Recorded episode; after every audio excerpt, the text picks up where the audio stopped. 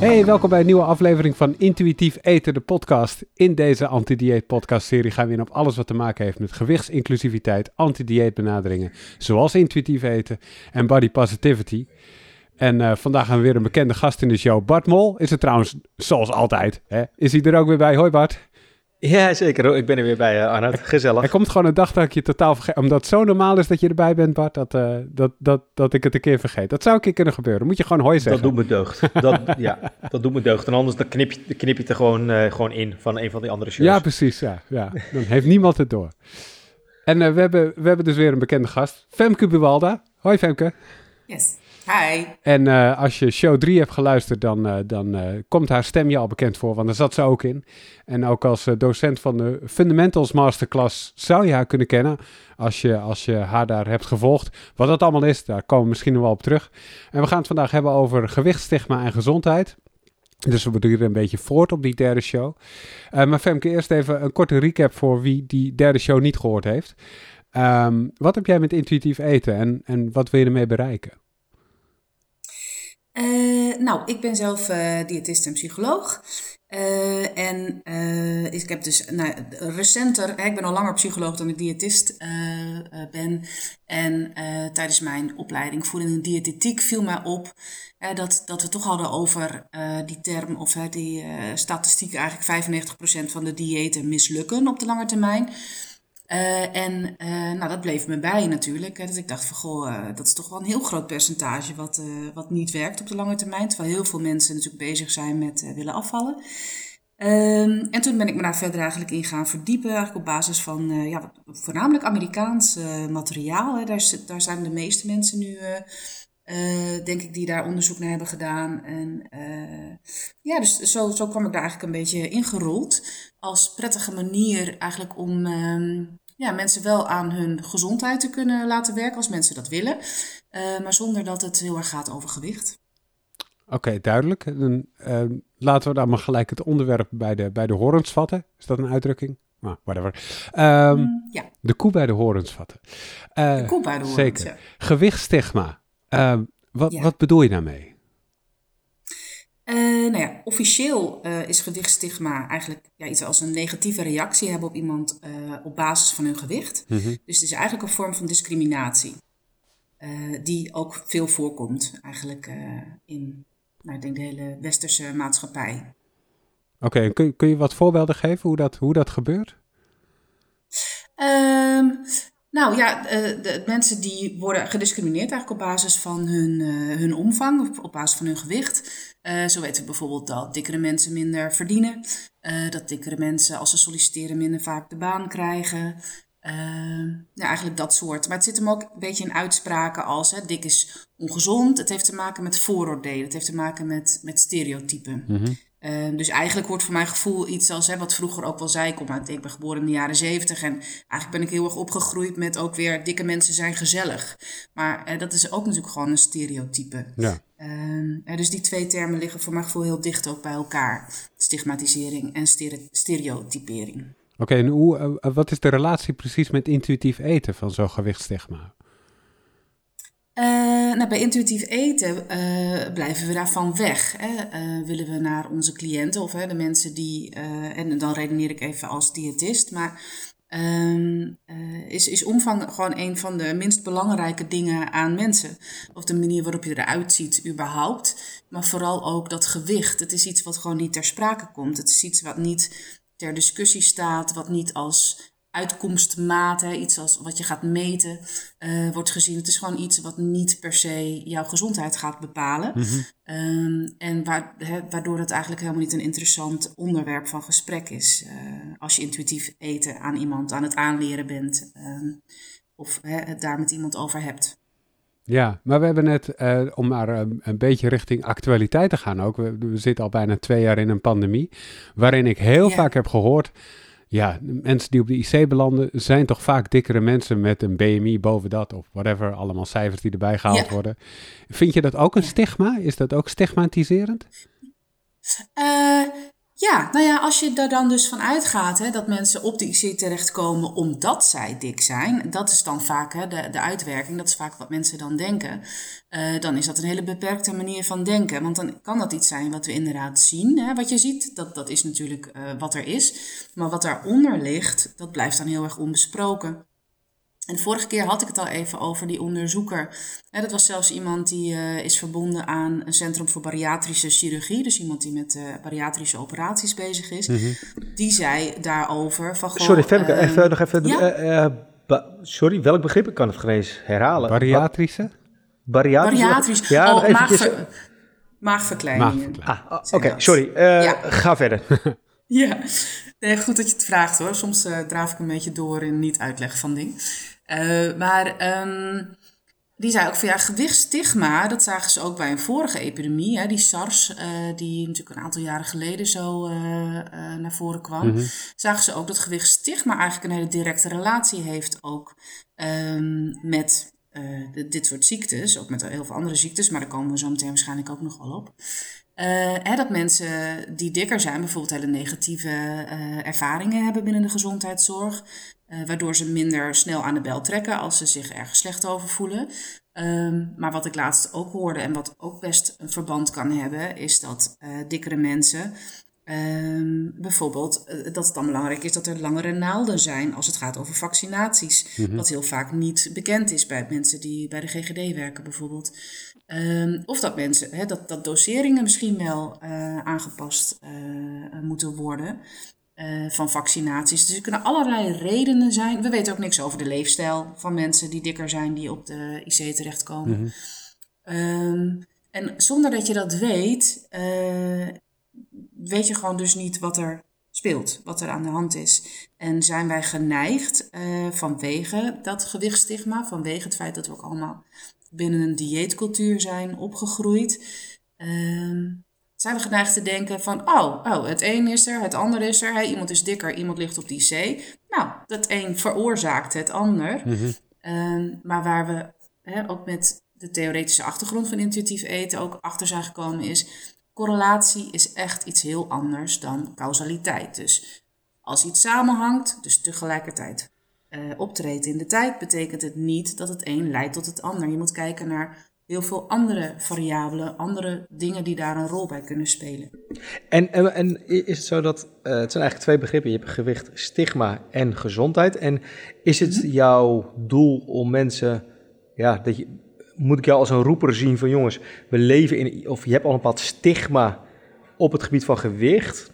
En dat je dat ook nog eens keer in verband brengt met gezondheid. Want ik bedoel, je moet behoorlijk uh, van ver komen, denk ik, als consument, om dat eerst te kunnen inzien. Voordat je, oh ja, dat je het verschil ziet. Want uh, ik noem het maar eventjes uh, over het klimaat. Is natuurlijk de laatste jaren is dat heel erg uh, in de bekendheid gekomen. Terwijl als ik voor mezelf spreek, ja, 15 jaar geleden waren er ook al mensen die bezig zijn van jongens, er gaat iets mis met het klimaat, we hebben CO2-stijging. Mm. Toen raakte het mij totaal niet. Ik denk van, ja, of ik las het niet, of het had mijn, mijn, ja. in, mijn interesse niet. Dat ik toen waarschijnlijk wel had gedacht van ja, dat zijn van die groene gekkies, het zal wel, weet je wel. Uh, ik ja. verander mijn gedrag niet. Terwijl ik nu op het punt zit van, oh wauw, er is echt wel wat. Ik moet mijn persoonlijke gedrag gaan aanpassen op dit, dit en dit. Dus ik ben nog even aan het zoeken voor mezelf, waar sta ik? En of, waar moet ik jou voor nu zien? Moet, ben je, mm -hmm. waar, ja, waar sta jij nu? Is dat ja, uh, in 2000, waar ik toen stond op het gebied van klimaat, zeg maar. Dat ben ik voor mezelf nog even aan het zoeken. Nou heel veel mensen staan, denk ik, als het gaat over gewichtsstigma, waar jij toen stond. He, dat mensen denken, nee, dit is gewoon zo. He, dit, is hoe dat werkt, dik is ongezond. En uh, uh, ja, dat is gewoon hoe dat zit. Dat is wat we horen, dat is wat de media zegt, dat is wat artsen zeggen uh, over het algemeen. Gelukkig komt daar verandering in, maar dat, dat, dat soort veranderingen gaan gewoon heel langzaam. En waar we mee te maken hebben, dat is misschien nog wel een leuke term om te noemen. Zat ik vandaag even in voorbereiding hierop ook nog aan te denken, is een heel psychologisch iets. Namelijk, we hebben te maken met confirmation bias, heet dat, confirmatie bias. Uh, dat is eigenlijk een soort van voorkeur voor bevestiging.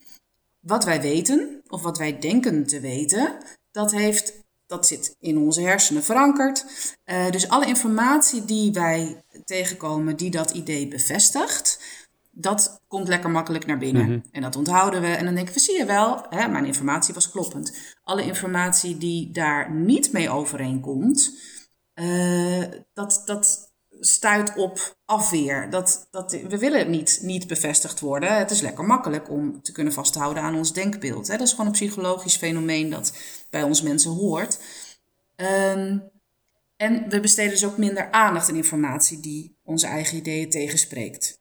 Als we het lezen, dan slaan we het niet op. We zien het niet eens. We zijn eigenlijk ook vaak actief op zoek naar dingen die onze ideeën bevestigen. Mhm. En dat merk ik nu heel erg. Um, als je het hierover hebt, ook met mensen, ik heb natuurlijk ook gewoon met mensen in mijn omgeving erover, dan, uh, dan je toch wel vaak inderdaad op nou, skepsis wel, hè? Uh, maar mensen die ook zeggen van, hè, nou, wat een, wat een controversieel idee is dat. Weet je, dat is, dat is wat je dan eigenlijk uh, heel erg tegenkomt. Van, nou ja, kan dat wel kloppen? Dat is toch niet wat we altijd geleerd hebben. Dat is toch, hè? ik heb het wel met artsen ook over, die heb ik veel in mijn omgeving. En dan merk je dat dat dat mensen graag willen vasthouden ook aan hun idee van. En ook dat we vaak het idee, want dan denken we ook.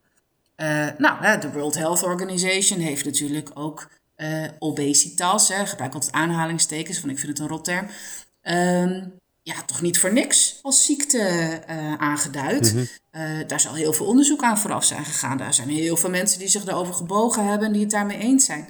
Terwijl als je die geschiedenis een beetje onderzoekt, uh, en je hoort daar mensen over praten. Hè. In de podcast die ik nu volg, bijvoorbeeld uh, Maintenance Phase is echt een aanrader voor de luisteraars. Uh, een, een Engelstalige podcast weliswaar. Maar daarin kwam het ook heel erg naar voren. Van joh, die hele World Health Organization heeft inderdaad obesitas, weer de aanhalingstekens, een ziekte genoemd. Maar dat was eigenlijk wel tegen het advies van hun eigen onderzoeksraad in. Die waren daar helemaal niet zo van overtuigd dat dat daadwerkelijk een ziekte zou moeten zijn. Mm Um, en vaak komt daar dan ook nog weer wat druk bij van farmaceutische industrie of van sowieso natuurlijk uh, uh, de dieetindustrie die daar geld aan weet te verdienen.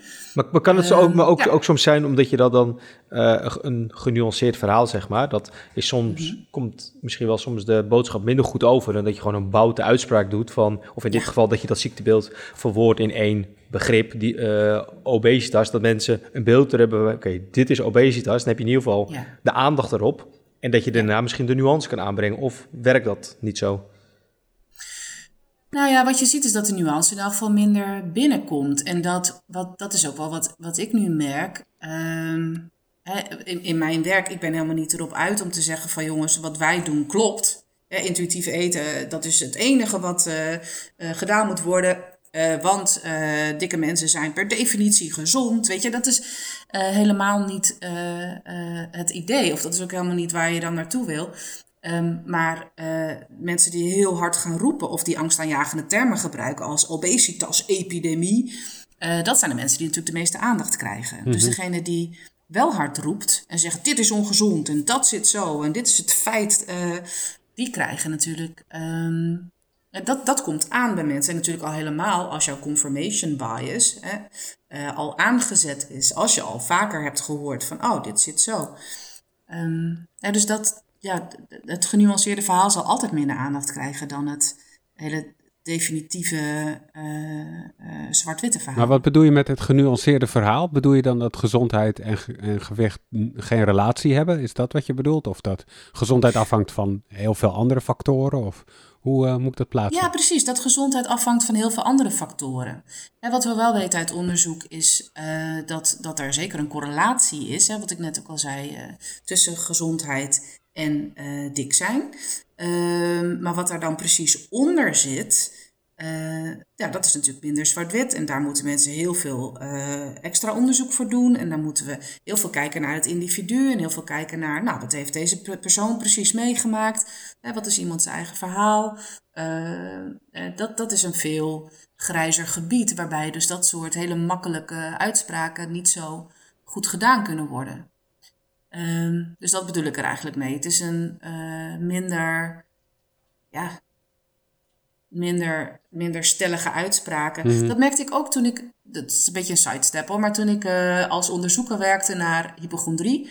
Hè, mensen die bang zijn dat ze een ernstige ziekte hebben zonder dat ze dat hebben. Dat was mijn promotieonderzoek, dus heel veel jaren geleden.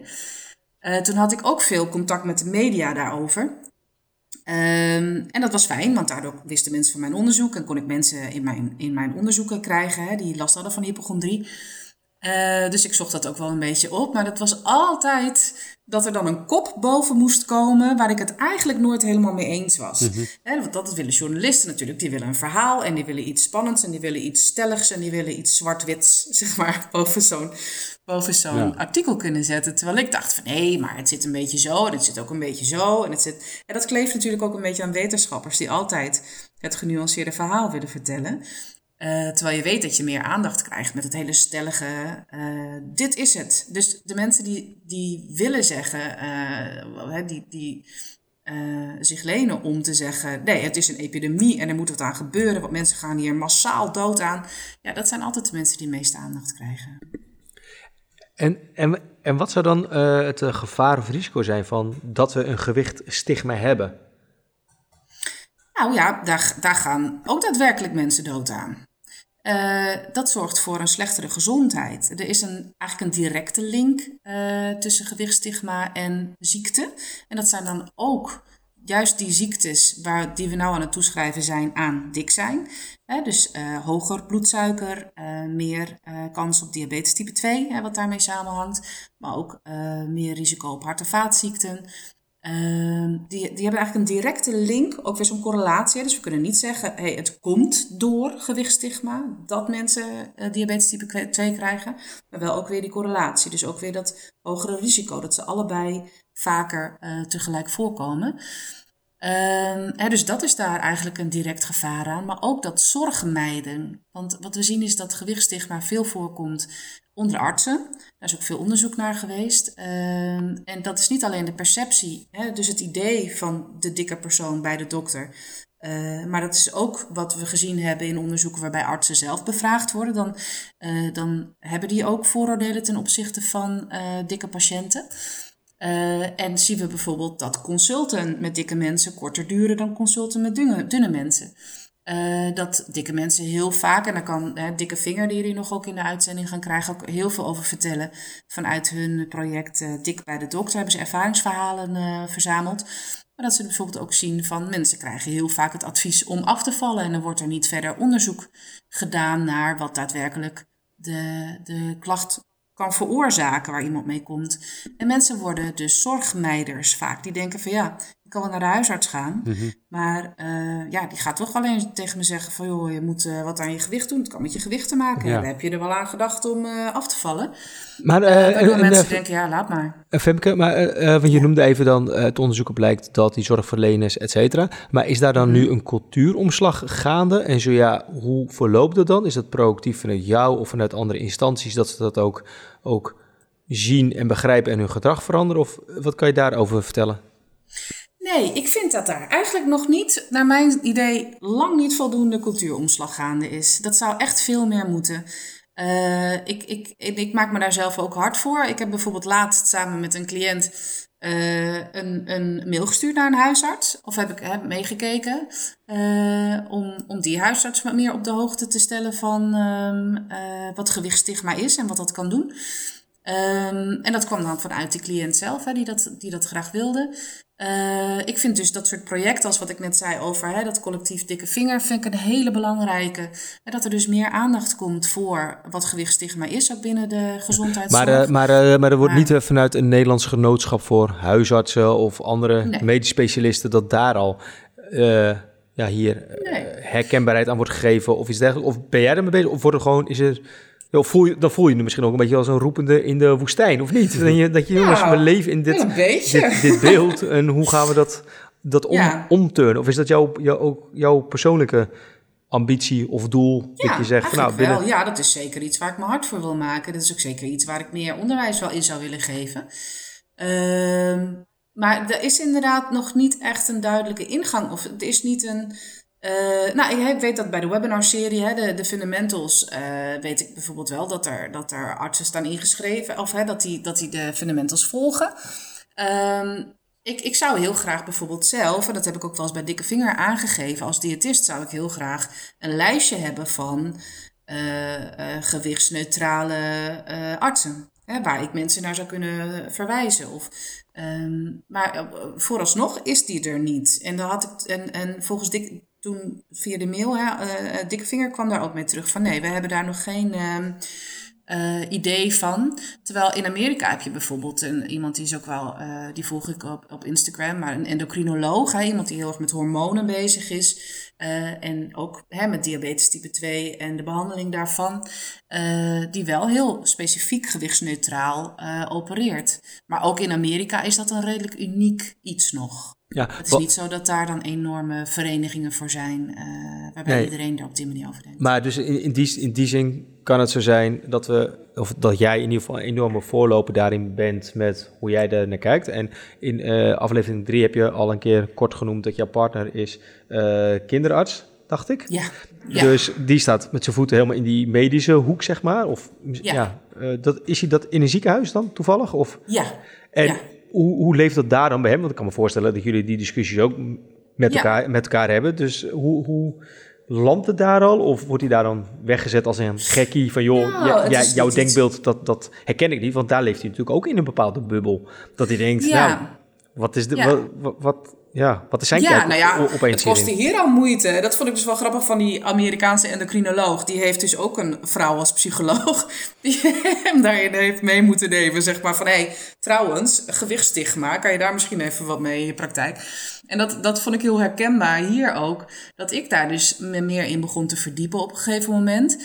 En dat ik dat vertelde en dat, er, dat het eigenlijk ook wat stuitte bij hem, hè, mijn partner, op, op wat sceptisch. Van nou ja, maar dat is niet wat wij geleerd hebben hoor. Dat is volgens mij helemaal niet hoe het werkt. Waarbij je dan heel vaak even zo'n discussie hebt over van goh, wat ik nou weer gelezen heb of wat ik daar nou weer over. Uh, en bij hem persoonlijk heeft dat wel geleid tot een andere manier van kijken naar mensen, die hij uh, op de poli ziet bijvoorbeeld. Um, alleen is dat ook weer niet iets, houden ze zich houden zijn collega's ook zich ook weer met hele andere dingen bezig. Dus het is ook weer niet zoiets waarin hij dan per se die voortrekkersrol heel erg neemt van... jongens, ik wil hier graag met jullie een presentatie over houden. Hè, omdat, omdat de specialisatie ook weer op een ander gebied uh, zich afspeelt. Dus wat ik zie is, nou, ik vergelijk het altijd maar een beetje met... ja, ik gooi wat steentjes in een vijver en daar komen wel wat kringen omheen. En ik hoop dat het zich op die manier gewoon ook wat verspreidt. Uh, en ik hoop uiteindelijk natuurlijk wel wat. Eh, dus als een van de luisteraars een ingang heeft in hoe we dit breder zouden kunnen verspreiden, ook onder, met name misschien onder gezondheidszorgprofessionals, dan sta ik daar enorm voor open. Um, hè, om dus een, een groter bereik te kunnen krijgen, ook als het gaat over dit onderwerp. Maar voor nu ben ik eigenlijk ja, voornamelijk mensen in mijn omgeving of mensen die ik uh, op professioneel vlak tegenkom, uh, daar wat meer over te vertellen. En als ik het goed te begrijpen, is dus jouw partner, uh, doordat jullie met elkaar over hebben gehad, heeft hij nu een ander beeld bij dat hij een dik kind uh, ziet in zijn praktijk. Waarbij hij eerder misschien ook wel schuldig is geweest dat hij uh, dat consult misschien een 10 minuten was. Waarbij hij normaal wel 20 minuten uh, ervoor zou uittrekken dan. Ja, of een bepaalde stereotypering inderdaad. Een bepaalde gedachte over dikke ouders van dikke kinderen bijvoorbeeld. Of een bepaald idee over hoe dat dan tot stand is gekomen, die dikte. Of over dat dat problematisch is, dat het kind dik is. je hebt dikke kinderen, je hebt dunne kinderen. Uh, uh, een dik kind is niet per se een ongezond kind uh, dat iets moet veranderen. Um, hè, en dat is op zich al een hele. ik vind het wel een, ja, ik vind het toch nog wel, wel interessant dat je het zo zegt. Want ik, ik, ik moet even al die. Ik moet nog helemaal een beetje mee worden genomen in. ja. Ook denk ik dat hele stigma beeld dat ik waarschijnlijk ja. bol zit met al die aannames. Dat ik inderdaad het beeld heb van twee dikke ouders met een dik kind. Dat mijn eerste primaire gedachte is van... oké, dat kind kan er niks aan doen, want die is jong. Dus de ouders die zullen eten maken. Dat kind eet het op, want dat is bij ons ook. Mm -hmm. Dat ja, als ouder maak ik het mhm. eten. Dat kind van vier gaat niet zelf bepalen wat, wat hij maakt. Hij bepaalt wel of hij het eet. Maar per saldo... Ja. ja. dus dan maak ik me eigenlijk ook gewoon nog schuldig toch aan dat hele stigmabeeld van twee dikke ouders. Als je denkt dat die dikte per definitie komt doordat die mensen ongezonder eten maken voor hun kinderen, dan, dan is dat zeker onderdeel van gewichtstigma. Ja, maar als ik dat wel ja, maar, nee, maar als ik dat wel observeer, want uh, stel voor dat dit zijn mensen in mijn privéomgeving en ik zie mm -hmm. wat ze eten en ik klassificeer dat als ongezond en ik klassificeer dat ook van ik vind overmatig veel ongezond, dan, mm -hmm. dan is het toch geen stigma meer. Dan is het toch wel dat ik dat gewoon objectief observeer. Of zit er dan nog steeds bij mij een soort van vooraanname? Hoe kan ik kijken dan? Of hoe werkt dat? Ik denk het wel. Ik denk dat die confirmation bias er dus ook een rol in kan spelen. Dat jouw verwachting ook al is dat ze dat waarschijnlijk wel zullen doen. Dus dat je het eten, dat, dat zien we ook uit onderzoek trouwens hoor. Daar sta je dan niet alleen in. Uh, hè, maar dat er dus ook op een andere manier wordt gedacht over het eten dat mensen klaarmaken. Want je staat niet dagelijks met mensen in de keuken. Je weet niet wat zij op dagelijkse basis de hele dag door voor hun kinderen klaarmaken. Uh, hè, uh, en als, als er dan eens een keer op een feestje wat meer taart wordt gegeten of iets, dan, dan heb je al eerder de neiging om te denken: oh, dat zal in dit gezin dan wel vaker gebeuren. Um, maar dus dat, dat zijn allerlei dingen die daar wel mee uh, samen kunnen hangen en daar een rol in kunnen spelen. Oké, snap ik. Maar uh, heb je dan concrete tips wat ik in mijn denk of een gedrag anders moet doen? Want ik denk dat dus nu in eerste instantie wel. Ik ben me dus bewust mm -hmm. van, hé, hey, ik heb een bepaald stigma op dat gebied. Uh, ja. Hoe kan ik mijn denken of doen veranderen dan? Hoe zou ik er dan naar moeten kijken, zoals jij er bijvoorbeeld dus naar kijkt, hè, met een dik gezin met een dik kind. Dus neem eens mee hoe, hoe ik me dan daarin dan kan aanpassen.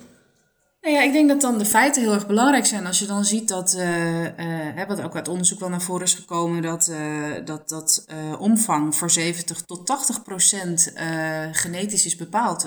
dat, dat het dus logisch is dat dikkere mensen uit dikkere gezinnen komen of dikkere familieleden hebben. en dat het dus een, een normaal verschijnsel kan zijn, waar niet per se iets aan die omvang hoeft te gebeuren.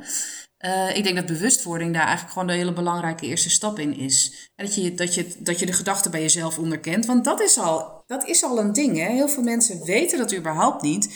Of weten überhaupt niet dat ze op die manier denken. En je hebt hele impliciete ideeën. Expliciete ideeën zijn de, de gedachten die je grijpbaar maakt. Hè? Waarvan je weet dat je ze hebt. En waarvan je weet dat het ook je gedrag kan aansturen. Maar eigenlijk hebben heel veel mensen ook impliciete gedachten over wat er om hun heen gebeurt. Uh, die net zo goed ons gedrag kunnen aansturen, maar waar we ons minder bewust van zijn. Dus die bewustwording is denk ik al een heel belangrijk eerste ding daarin. Dat je denkt, oh, oké, ik denk zo. En dat is logisch dat je zo denkt. Mm. Laat ik dat ook nog even benadrukken. Uh, we zijn allemaal opgegroeid in dieetcultuur. We hebben allemaal die gedachten. Ik heb dat ook. Weet je, ik, ik, ik denk dat ik wel daar op, nou, hopelijk voor het aller, allergrootste gedeelte korte metten mee heb, heb gemaakt. En dat ik niet meer zo op die manier denk. Maar um, het is heel logisch dat je, dat je gedachten hebt die onderdeel zijn van je cultuur, van je, van je, ja, waar je altijd mee te maken hebt gehad. Maar uh, er niet naar handelen is dan dus nog weer een tweede. Ik bedoel, je gedachten kan je natuurlijk helemaal niet uitzetten. En het hoeft ook nooit een doel te zijn. Maar je bewustzijn van, hé, hey, deze gedachte hoeft helemaal niet te kloppen. Uh, en ik, ik hoef daar verder niks mee.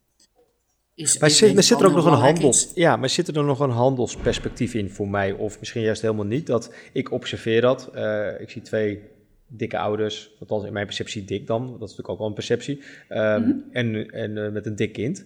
En ik zie wat hij eet. En ja, misschien eet hij één bakje chips. En dan op een gegeven moment eet hij nog vier bakjes. Waarvan ik al denk van, joh, uh, ja, waarom eet je vier bakjes? Ja, ik zit even op dat punt hoor. Dus misschien dat ik het mm -hmm. even te, te, concreet voor mezelf probeer te maken. Dat ik wel dan denk van, ja, eet geen vier bakjes. Ik bedoel, eet er gewoon één, weet je wel. Dat is ook gewoon voldoende. Of met snoep, weet je wel. Als je één uh, lolly krijgt, waarom zou ik dan nog drie lollies geven? Als hij elke keer vraagt, oh, ik heb weer uh, trek, trek in lolly. lolly. Dan mm -hmm. zit mijn onderbewuste zegt van, ja, het is ongezond, het voegt niks toe. Als hij nou zegt, ik wil drie appels, dan weet ik ook, dan zou ik zeggen, nou hier, nog een appel, nog een appel. Nou ja, precies. Dus jij maakt onderscheid ook in. Dit is gezond, dit is ongezond. Een extra lolly voegt niks toe. En dat zijn al aannames eigenlijk. Dat zijn al ideeën die niet per se de waarheid zijn. Ik bedoel, misschien voor het kind in kwestie voegt een extra lolly wel iets toe. Um, en sowieso uh, denk ik ook, als het niet jouw kind is, hoef je er überhaupt niks mee. Hè? Het is niet iets waar je, want daar hebben we het nu over toch in dit, in dit voorbeeld. Het gaat over een, een ander kind. Uh, en natuurlijk kan jij zeggen van, uh, nou jongens, uh, we gaan ophouden met chips eten. Um, maar het, het gaat heel erg over die, die aannames, denk ik, die je hebt, die ideeën over wat gezond is, wat ongezond is, waar iemand behoefte aan heeft of niet behoefte aan heeft en waarom die daar behoefte aan heeft. Um, dan denk ik ook, ja, je kan het ook gewoon wat meer loslaten. Maar... Uh, en zeker de zorg voor andere kinderen overlaten aan uh, uh, hun eigen ouders en hun ideeën over wat uh, goed is voor hun kind om te doen. En natuurlijk hebben mensen wel soms behoefte, dikke de, mensen, dunne mensen, eigenlijk iedereen kan wel behoefte hebben aan kennis over wat een gezond eetpatroon is. Maar je moet heel erg oppassen voor die momentopnames. Want je ziet niet al die momenten dat het kind in kwestie geen zin heeft in chips en zegt: Nou, nee, ik hoef eigenlijk niet. Ik wil, ik wil wel een appel. Ja. want die kunnen er ook zijn. Als dat een kind is wat bijvoorbeeld uh, intuïtief eet, uh, daar zijn er denk ik niet zo heel erg veel van, omdat dat heel snel wordt beperkt bij kinderen. En dat ouders heel erg bepalen van jij moet nu iets gezonds eten en je mag nu niet iets ongezonds. Maar stel dat er ouders zijn die zeggen van joh, eh, kijk maar even waar je zin in hebt. Dan zie je ook dat zich dat heel erg reguleert.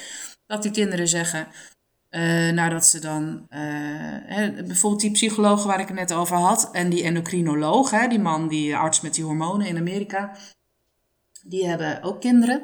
En dat ze zei van ja, mijn dochter had op een gegeven moment alleen maar zin in mac and cheese. Natuurlijk ook hartstikke Amerikaans, hè? Mac and cheese, mac and cheese. Mhm. En ze wilde dat als ontbijt en ze wilde dat als lunch.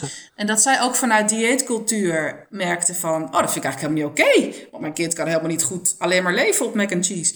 Uh, maar dat ze toen dat bij zichzelf echt actief uitzette en dacht van... nou, ik ga wel even kijken wat er gebeurt. En dat, dat, en dat haar uh, dochter toen drie dagen lang achter elkaar alleen maar mac and cheese heeft gegeten. Uh, en toen zoiets had van, nou, ik ben er eigenlijk wel klaar mee. En nu alleen nog maar af en toe zin heeft in mac and cheese. En dat is zowel bij kinderen als bij volwassenen hoe dat hele proces van intuïtief eten ook werkt. Als jij zegt van, joh, kijk maar even. Um, of, of denkt van, ik vind het prima als jij de hele dag door mac and cheese eet. Mm Dan hebben we vaak als angstbeeld ja, maar dan komt er nooit meer iets anders in. En dan uh, krijgen ze allerlei vitamine-tekorten en uh, scheurbuik en uh, weet ik veel wat er allemaal optreedt. Terwijl je ziet dat, dat, dat, nou ja, dat heb je zelf misschien ook wel toch, als je bij een all you can eat bent of op, op zo'n all-inclusive vakantie of zo in Turkije en dat je de hele poos dat volstrekt overdadige buffet. Nou, na een week denk je toch ook van jongens, ik heb gewoon zin in een boterham met kaas. en uh, een salade. maar, maar, maar, daar, ja, maar, maar, daar nog wel op uh, inhakend, hè? want uh, dat, dat, dat, is even meer misschien een recap voor mezelf. Hoor. Want hoe ruim je dat gedeelte inderdaad weer in relatie tot gezondheid? Want iemand met, met mac and cheese, dat komt op mij over. Ja, ik snap wel dat diegene drie dagen dat vijf keer te hebben gegeten. Dus dat je wel een keer denkt, joh, het komt uit mijn neus. Ik, ik kies voor iets anders. Dat, dat iemand dan ervaart, oh ja, die variatie vind ik wel fijn. En het kopje gezondheid, hoe, hoe, hoe kijk je daar ook weer aan. Van, moet het ook gezonde keuzes zijn? En dan even tussen haakjes, wat is gezond? Uh, maar daarvan uitgaande, dan, hoe ik er dan wederom naar kijk, is van kies je voor die appel of banaan of een fruit, of kies je voor die zak chips als ontbijt. Hè? Als dat dus uh, de nieuwe stap is, dat diegene zegt, nou, na drie dagen mac and cheese ben ik er klaar mee, maar ik kies nu voor drie dagen chips. Dat die enkrideoloog zegt, nou is goed, ga maar lekker drie dagen chips eten. Of waar komt het stukje, kies voor een ja, een gezondere alternatief. En die komt dat om de hoek kijken. Nou kijk, je hebt, ik denk dat het belangrijk is om, om te benadrukken, je hebt een verschil tussen impulsief eten en intuïtief eten. Uh, en wat jij schetst is wat meer in, impulsief eten, denk ik. Uh, en impulsief eten komt vaak ook vanuit andere behoeftes. Bijvoorbeeld hè, vanuit bepaalde emoties, uh, waarvan je dan niet per se hebt geleerd om daar op een andere manier mee om te gaan dan, dan door te gaan eten. impulsief eten is niet genieten, is niet nadenken is, is controleverlies. Uh, uh, dat zijn eigenlijk allemaal kenmerken dan uh, van het eten dat dan kan gebeuren. Terwijl intuïtief eten, dat heeft ook te maken met je hoofd. Het heeft ook te maken met keuzes die je maakt. Het is niet alleen maar wat wil mijn lijf en wat wil het nu. het heeft ook te maken met, is dit voor nu een handige keuze? Bijvoorbeeld als je echt trek hebt in iets en je gaat over een half uur, is het avondeten klaar. Nou ja, dan mag je nog even met eten. Hè? Dat is intuïtief eten. Maar het, het, heel belangrijk bij intuïtief eten is dat het niet gaat over gezond versus ongezond. Tenminste, niet als het gaat over voedingsmiddelen. chocola is niet per se ongezonder dan een appel binnen intuïtief eten. Uh, beide kunnen, eh, aan beide kan je op een bepaald moment behoefte hebben. En als je aan die behoefte voldoet op dat moment, uh, dan, dan ben je eerder voldaan en ben je verzadigd en heb je ergens van genoten. Dan wanneer je uh, het jezelf heel erg gaat ontzeggen en denkt: nee, ik moet nu die appel eten, want dat is de gezonde keuze en dat is wat ik nu moet doen. Uh, dan ga je drie appels eten en dan eet je daarna alsnog die chocola. Omdat je denkt: ja, daar had ik eigenlijk toch gewoon echt zin in. En dan heb je weer die controleverlies. Snap je? Oh, dat controleverlies moet ik zeggen. Um, dus het, het gaat niet over. Het gaat wel over een gezond eetpatroon. Het gaat heus over vitamine en het gaat heus over wat krijg je binnen. Um, maar uh, niet over gezond eten op een bepaald moment. Mhm. Dus ze horen er vier bakjes chips bij, dan horen er vier bakjes chips bij. Dat is, dat is niet een erg iets. Dat is niet een iets wat, wat ook een doel zou kunnen zijn binnen een intuïtief eten begeleiding. Hè, dat ik, dat ik eh, zou zeggen, stop dan met chips eten. Want daarmee werk je dus in de hand dat mensen denken, ja, maar ik ben nog niet klaar met chips eten. En dan zichzelf iets gaan ontzeggen en dan daarna alleen maar meer die behoefte blijven Ja. houden van, ik mag dit niet, ik wil het eigenlijk wel, maar ik mag het niet. Mhm. Dat, dat, dat leidt tot hele ingewikkelde dingen. Ja, Ja, want, sorry uh, Arnoud, ja. maar. ik wil even terug naar, eh, naar, eh, naar gewichtstigma. Want we hebben uitgebreid besproken waarom het een heel groot nadeel is als dat bij je huisarts is of bij artsen. En dat, dit, dat is wel een duidelijk verband. Maar als gewoon willekeurig andere mensen eh, eh, dat hebben, wat is dan het nadeel? Wat voor nadeel ondervind je daarvan? Nou ja, dat mensen zich niet.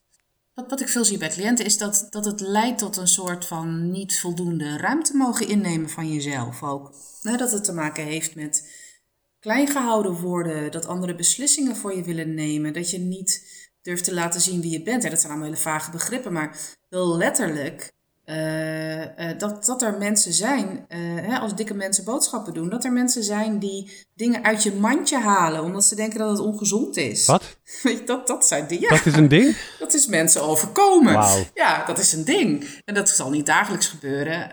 maar ja, dat, dat mensen dan gezien worden als iemand die niet hun eigen beslissingen kunnen nemen. Er zijn hele trainingen voor mensen om, de, om de feestdagen door te komen met hun familie. Uh, uh, tijdens kerstmaaltijden. Uh, dat, dat de familieleden voortdurend opmerkingen maken over: zou je dat nou wel eten? Is dat nou wel gezond? Zou je niet eigenlijk moeten kiezen voor. oh, die taart, ja, daar zitten wel heel veel calorieën in hoor. Ik weet niet of je dat wel. Dat zijn opmerkingen die mensen de hele poos krijgen. Dat is gewoon hartstikke stressvol eigenlijk als je ergens bent om gewoon een leuke tijd met elkaar te hebben. Um, en wat er gebeurt ook is, en het is wel goed dat je, dat je daar nog even op terugkomt, uh, het leidt ook tot geïnternaliseerd weeg, gewichtsstigma. Mhm. En mensen gaan dat internaliseren. Die denken, ja, ik ben ook, ik heb ook allemaal niet genoeg wilskracht. Ik zou ook moeten afvallen. Uh, het is ook heel ongezond wat ik aan het doen ben. Ja, dus mensen die gaan ook voor zichzelf ehm, daarin geloven.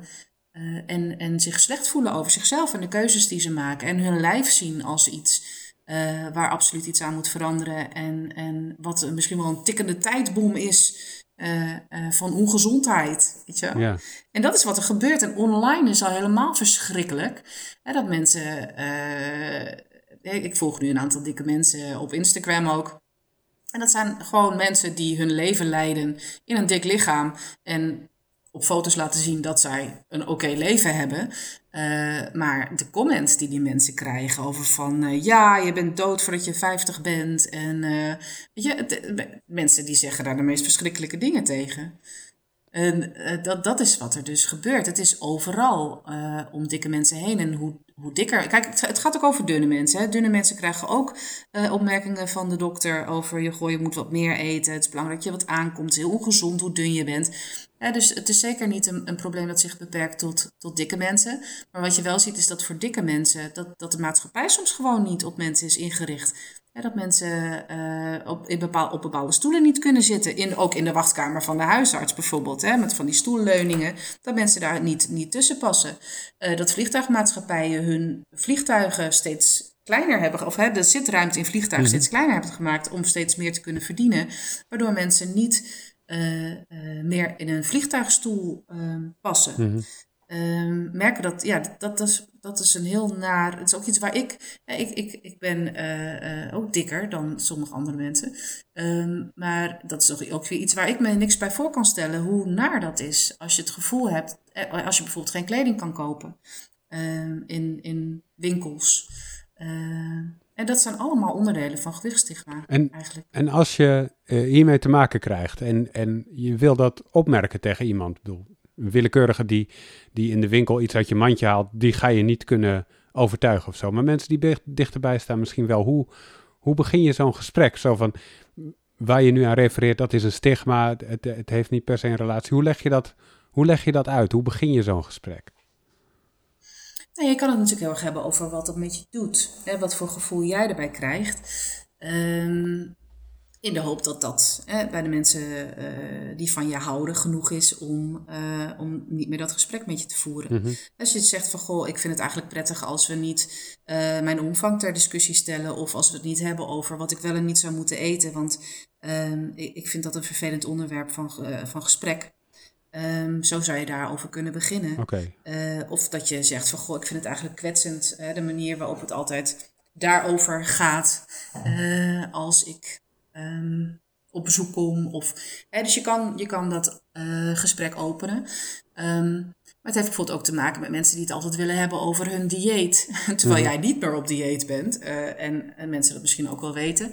Ehm en zou je ook kunnen zeggen van goh, vind je het oké om ergens anders over te praten.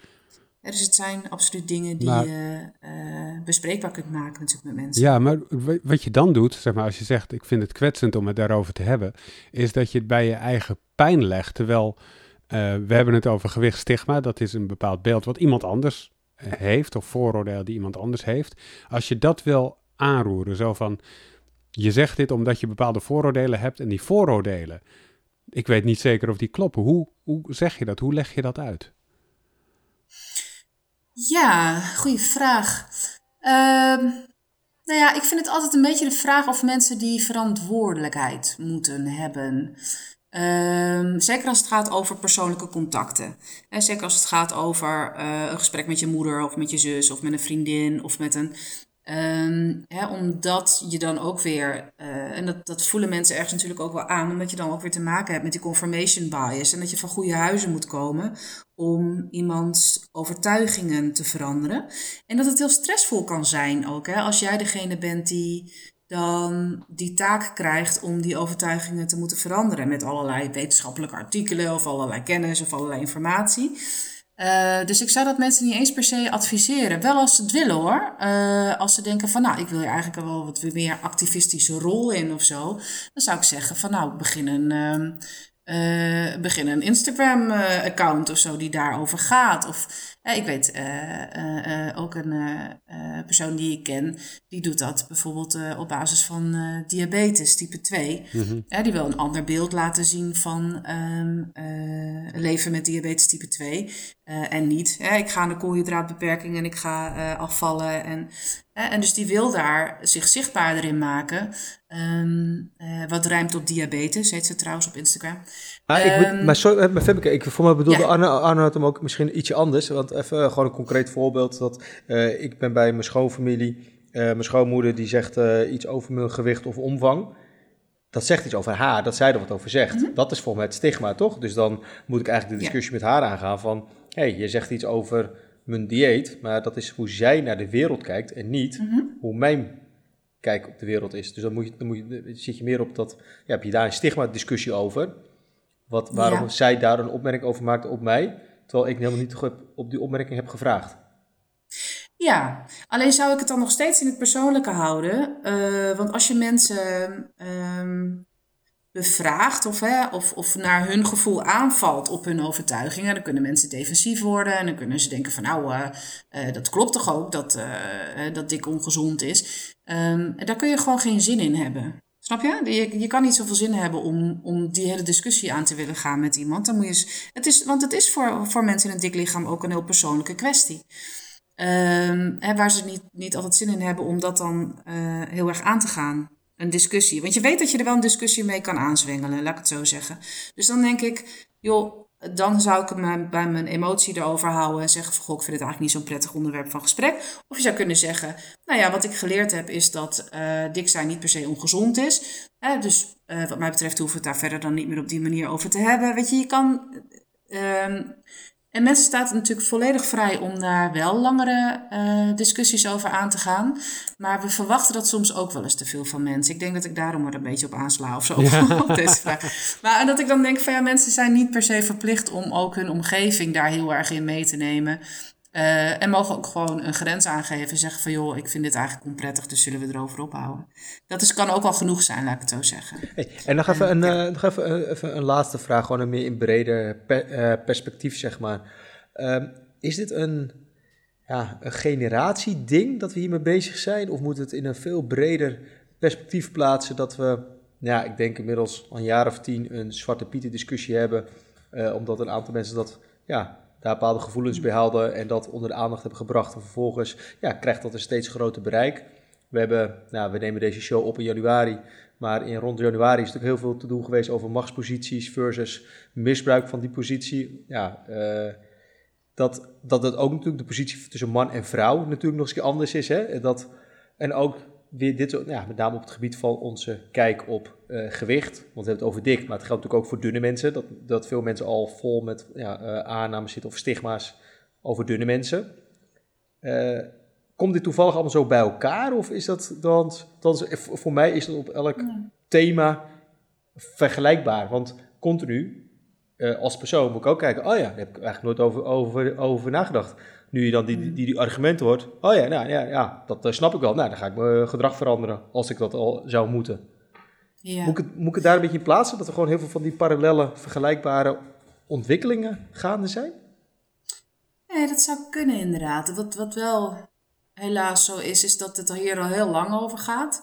er waren al activisten in de jaren 50, 60 die hiermee bezig waren. Uh, en toen heeft het helaas dus niet zo heel veel voet aan de grond gekregen. En ik hoop nu meer, hè, nu ik mezelf ook mee bezig hou, vind ik het wel eens hoopvol. Maar dan denk ik van ja, dat is misschien ook wel de bubbel waar ik in zit. Hè. Dat zijn ook de mensen die ik volg, die er heel erg mee bezig zijn. Waardoor je misschien een beetje overschat hoe het uh, in de maatschappij verder leeft. En zoals we hadden natuurlijk over die COVID-discussie.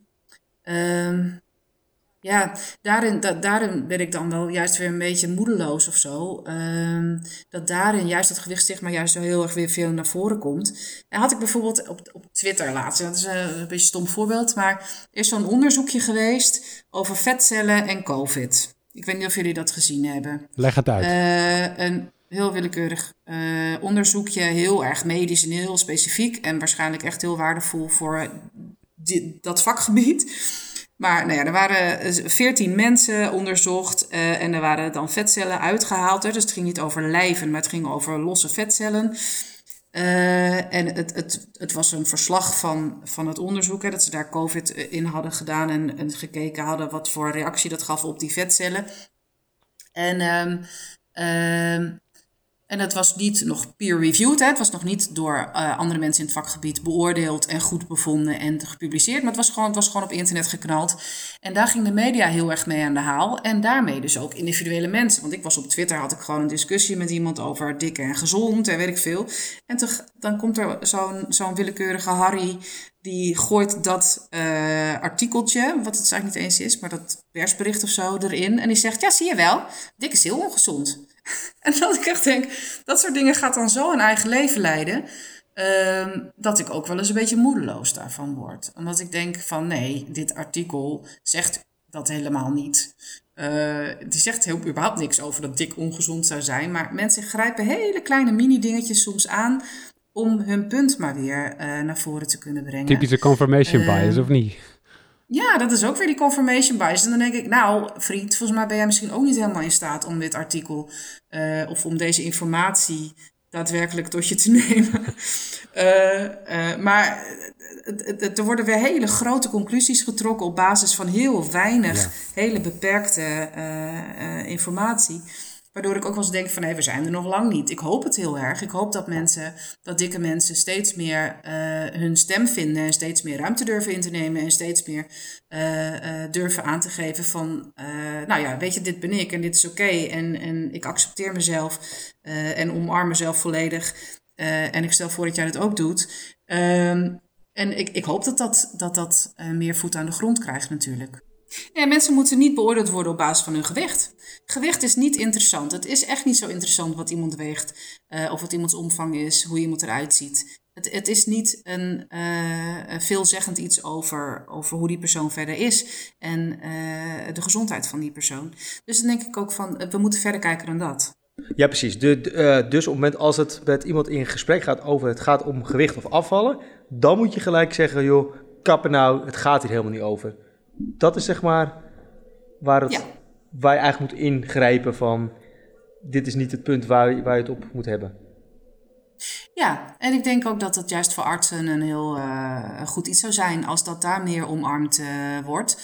En ik heb wel de indruk dat daar misschien iets van een beweging zit. Hè, dat het wel steeds meer gaat over, nou, het, is, het, is iets gecompliceerd. Er spelen heel veel factoren een rol bij, omvang en gewicht. en, en in hoeverre dat gezondheid bepaalt. Alleen waar artsen dat tegenwoordig nog heel veel mee afmaken, is en dus moeten mensen iets afvallen. En dan denk ik, nou, dat is het stukje waar ik dan van zeg: nee, laat dat achterwege. Mm Kijk naar dingen waar mensen controle over kunnen hebben. Kijk naar dingen waar mensen gedragingen bij kunnen uitvoeren. Hè, gewicht is geen gedrag. Um, uh, en, en benadruk dat. Ga kijken met, met waar voor iemand mogelijkheden liggen. Hè. Die heeft aangegeven dat hij uh, bepaalde veranderingen wil doorvoeren. Ga met iemand kijken naar, oké, wat zijn voor jou de mogelijkheden dan? Uh, maar ga het niet hebben over oncontroleerbare zaken als gewicht, eh, waarvan we weten dat dat in eh, bijna alle gevallen er gewoon na een paar jaar weer aan zit. Het is zo'n zo'n doelloos, zinloos doel eigenlijk, om tegen mensen te zeggen, je moet afvallen. Als we al weten dat, dat, dat het gewoon niet houdbaar is, die verandering, überhaupt. Oké, dus eigenlijk betekent het gewoon dat uh, je binnenkort of met meerdere mensen bij de talkshows moeten gaan zitten. Want de talkshows hebben straks helemaal geen. Uh, ja, tot die hebben juist heel veel ruimte. Als COVID geweest is, ja, dan vallen al die gasten weg. Met het hele gedoe van The Voice vallen die mensen ook allemaal weg. Dan zijn de talkshows, stoelen zijn, zijn leeg. Dan Ze kan jij. Me bellen. Precies, dat is, de op, dat is de oproep. Dus ben jij een luisteraar van deze show en je denkt van Femke heeft het helemaal right. En die moet daar zitten met misschien nog wel andere mensen die uh, Femke of meegaan in de journey van Femke en het Centrum voor Intuïtief Eten. Let's go. Dat is volgens mij even de oproep aan alle luisteraars. Als je iemand kent, breng ons in contact. Right? ja, heb, toch? Heb, heb, je, heb, je, heb je nog een voorkeur voor op één uh, eh, VI Vandaag, Bo, Jinek, Nieuwsuur? Nee, dat maakt me niks uit. Ik heb ze allemaal genoemd volgens mij, toch? Ja, Gewoon allemaal, toch? Gewoon allemaal. Ja. Gewoon allemaal. Er zitten meerdere dagen in de ik denk, Het is gewoon belangrijk iets. Het is een, uh, ze moeten allemaal bellen. Oké, nou, dat is dat een mooi, een mooi doel voor, uh, dit, uh, voor dit jaar, toch? Ja. En een mooie plek om een, uh, om een punt te zetten, denk ik. Uh, Bart, zijn er nog uh, dingen vanuit het Centrum voor Intuïtief Eten die je nog even onder de aandacht wil brengen, tot slot? Um, ja, ga ik gewoon even kijken naar onze pre-redactie die we natuurlijk allemaal hebben gedaan. Wat we eigenlijk allemaal nog willen verkopen. Maar dat, ja, wat ik eigenlijk wil verkopen, dat zijn gewoon onze boeken. Op deze manier kan je ons ondersteunen. Mm -hmm. Met, um, ja, middels aankoop van het werkboek, tekstboek. Uh, we zijn nog een, het laatste boek van uh, Evelyn Triboli, die uh, de 365 dagen intuïtief eten, dat boek zijn we aan het vertalen. Dat komt ook ergens dit jaar uit. En ja, ben je een professional in de zin van ben je een gewichtsconsulent of ben je een diëtist? nou, Femke noemde het al even. We hebben een Fundamentals Masterclass ontwikkeld. Dat is een driedelig webinar. officieel is het nu vierdelig geworden, want we hebben er een live Q&A aan toegevoegd. En de, het tweede programma dat start in mei uh, 2022, dus gewoon nog dit jaar. En dan zullen in mei, juni uh, zullen we de, webinars uh, plaatsvinden. Dus ja, mocht je dit horen, kijk even naar de show notes voor meer informatie om eventueel je plaats te kunnen claimen. Ja, tot zover dit verkooppraatje. Yes. En als je deze podcast nou leuk vindt, uh, laat dan even een rating en een review achter op uh, Apple Podcast. Of, of als het in je podcast app zit, doe, doe dat daar dan. Uh, want het helpt anderen weer ons beter te vinden. Zijn er meer luisteraars en dan verspreiden we dit weer verder. Dankjewel Febke. Dankjewel. En dankjewel Bart. Ja, graag gedaan. Jij bedankt voor het luisteren en tot de volgende keer. Later.